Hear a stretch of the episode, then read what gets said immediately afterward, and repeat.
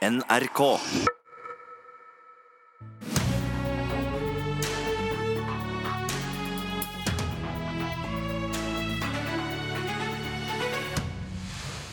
De puslete gutta som henger med bøllene, det er Høyre i integreringspolitikken, hevder Hadia Tajik.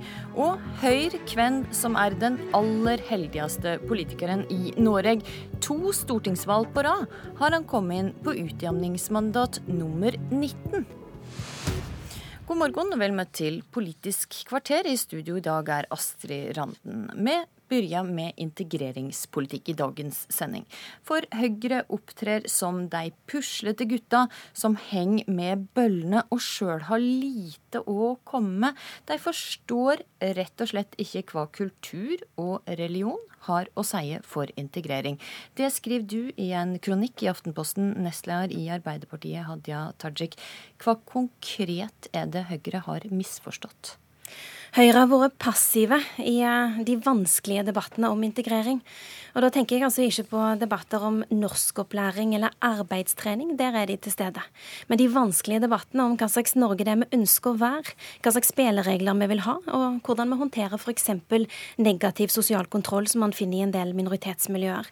Eh, det betyr at de har ikke satt sakene på dagsorden sjøl. Eh, når de sakene har kommet på dagsorden, drevet fram av andre, så har de gjerne deltatt med et leserinnlegg eller to, men de har ikke kommet med politiske initiativ av, eh, av, betydning for å drive saken fram. Men du sier altså at Høyre ikke forstår hva betydning kultur og religion har for integrering.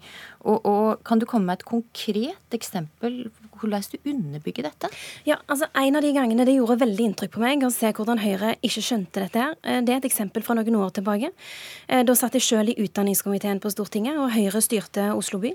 Og Da var det en debatt om at det er en del skoler der det er mange med innvandrerbakgrunn, oppimot 90 Eh, og når, eh, når, det da var folk som påpekte at det kunne gi en del utfordringer i læringssammenheng, så var Høyre eh, de var, fra deres side så sa de at nei, nei, en elev er en elev. Og sånn er det. Og det kan gi noen utfordringer på norskopplæring, men det er òg det hele. Det var ikke ett ord fra Høyre sin side om hvilken betydning det kan ha for sosial kontroll i skolegården, til tross for at rektorer, lærere og elever som jeg snakket med, påpekte at disse tingene òg fant sted. Så det å på en måte se hva slags begrensninger kultur og konservativ konservative religiøse tradisjoner kan legge på unge jenter i Oslo i dag. Det tok Høyre ikke tak i der. De ville ikke snakke om det. De satte ikke ord på det. Og det mener du er puslete, og så henger de med ei bølle? Hvem er det? Ja, De sitter i, regjering med Fremskrittspartiet, og Fremskrittspartiet vil jo veldig gjerne være til stede i integreringsdebatten. og De, de roper og lager mye lyd og vil gjerne sette skapet på plass, eh, selv om det bare er ei hylle som skal spikres opp, eller en kommode som skal på plass. Mens eh, Høyre sjøl ser vi veldig lite til i disse debattene. Mm. Kristin Ørmen Johnsen, du representerer altså de puslete gutt gutta som henger med bøllene her i Politisk kvarter i dag. Du er innvandringspolitisk talsperson i Høyre.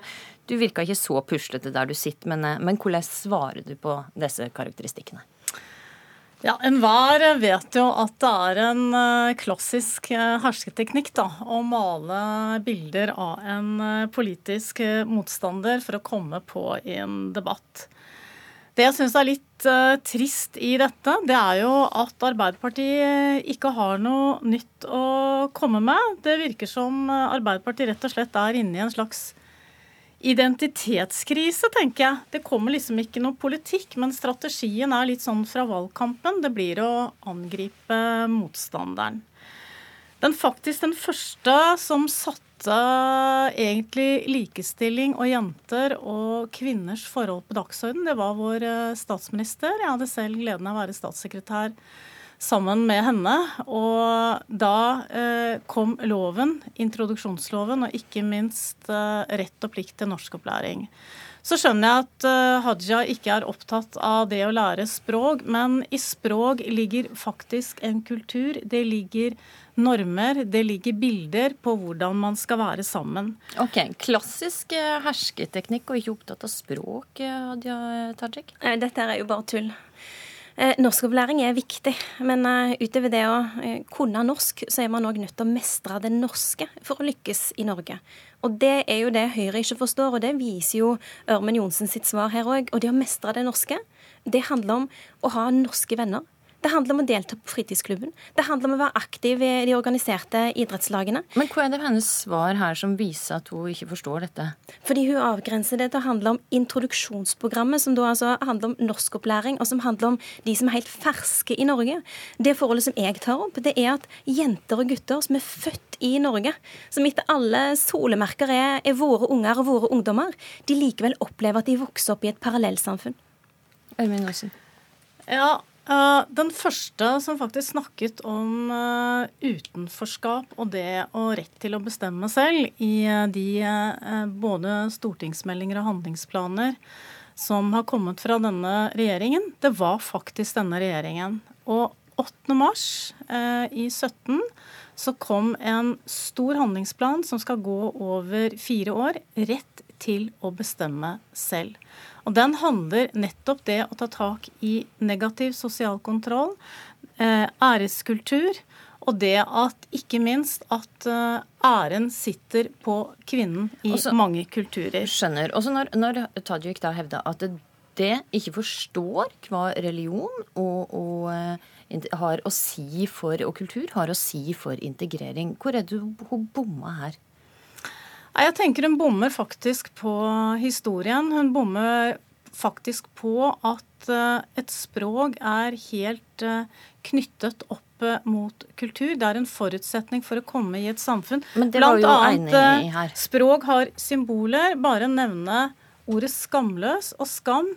Det er et språk som er knyttet til en kultur. Så det å skille språk fra det å ha en dialog og det å være sammen og kultur og normer, det er veldig vanskelig. Hvis du leser den boka 'Skamløs', så ser jo den at den Men det gjør jo heller ikke Tajik her. Nei, men altså den er jo full av symbolikk som er knyttet til språk. Så derfor så er det viktig å kunne lære språket, eh, og det var det Erna Solberg satt på dagsorden. Tajik angriper altså Høyre her, men eh, hva syns du om det Arbeiderpartiet sjøl har eh, kommet med? Nei, altså det som jeg sa, det er litt sånn identitetsproblemer, uh, oppfatter jeg, i Arbeiderpartiet. Det blir et voldsomt uh, angrep. Jeg hører ikke noen uh, konkrete tiltak her. Denne handlingsplanen har jo 28 tiltak. Og vi har jo også tiltak i statsbudsjettet nettopp, nettopp på dette området. Altså, De har jo faktisk lagt fram en handlingsplan akkurat akkurat om det du etterlyser her. Og det er en helt OK handlingsplan. Og den bygger kjempefint på de to tidligere handlingsplanene på samme område som kom under den Arbeiderpartiledede regjeringen. Men de våger ikke ta nye nødvendige grep. F.eks. så mener vi i Arbeiderpartiet at nå er det på tide å se på hva slags støtte det er man gir til trossamfunn. Vi vet at det er en del offentlige midler som blir brukt til å opprettholde et kvinnesyn som vi trodde at vi var ferdig med i dette landet her. Der kvinner de er gode nok til å lage mat, de er gode nok til å organisere aktiviteter for ungene, men de er tydeligvis ikke gode nok til å sitte i en del styrer og være med på å ta beslutninger på vegne av det trossamfunnet som de sjøl er en del av. Og Hvilke restriksjoner vil du innføre da? Som jeg har foreslått i det nye partiprogrammet vårt at eh, i forbindelse med at man får offentlig støtte til et trossamfunn, at det da òg skal stilles krav om 40% kvinnelig representasjon i styrene. Eh, altså de organene som tar administrative og organisatoriske beslutninger. Altså ikke det som handler om teologien og trosfriheten, men som faktisk handler om disponeringen av de offentlige midlene. Vi får høre da om dette er noe Høyre kan si seg enig i. Ja, Høyre vil gjerne være med og diskutere alle nye tiltak. Eh, det er jo du er et godt forslag? Et gammelt tiltak. Ja, det å ha kvinnelig representasjon i alle styrer, uh, uansett om det er religiøse eller andre, det er jo viktig uh, å få frem. Men, men går det men, uh, det jeg også er opptatt av i, Men svar på da dette først. Ja, det syns jeg er kjempespennende. Det vil jeg gjerne være med og diskutere. Og det, det tenker jeg det er et konkret forslag. Men det da Rett og slett litt semje ja, ja. i Politisk kvarter her. Det er jo ikke så ofte man får til. Nei, men det er det jeg mener. Hvis man isteden da å bruke disse litt sånn klassiske hersketeknikkene. Dere er ikke med, dere skjønner ikke kultur. Har liksom, dette har vi ikke greie på.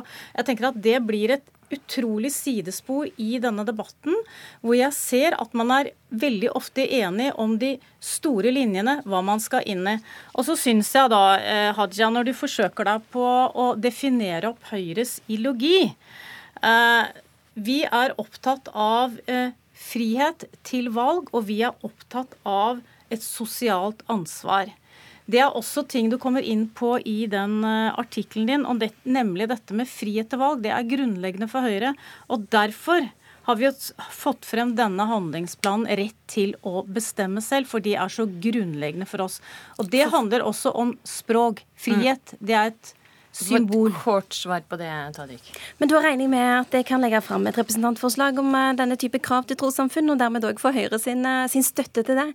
Eh, det vi dessverre ser, er jo at de har den samme tilnærming til integrering som til likestilling. De driver ikke fram de nødvendige politiske tiltakene, men når Arbeiderpartiet kommer med dem, så blir de gjerne med på laget. Det Nå var jo Ansgar Gabrielsen den første ministeren som kom frem da med kvinner i styrer, og det bør Arbeiderpartiet skammes over at de ikke var med på det tidligere. Den må det dessverre avslutte. Takk Kristin Ørmen Johnsen og Hadia Tajik.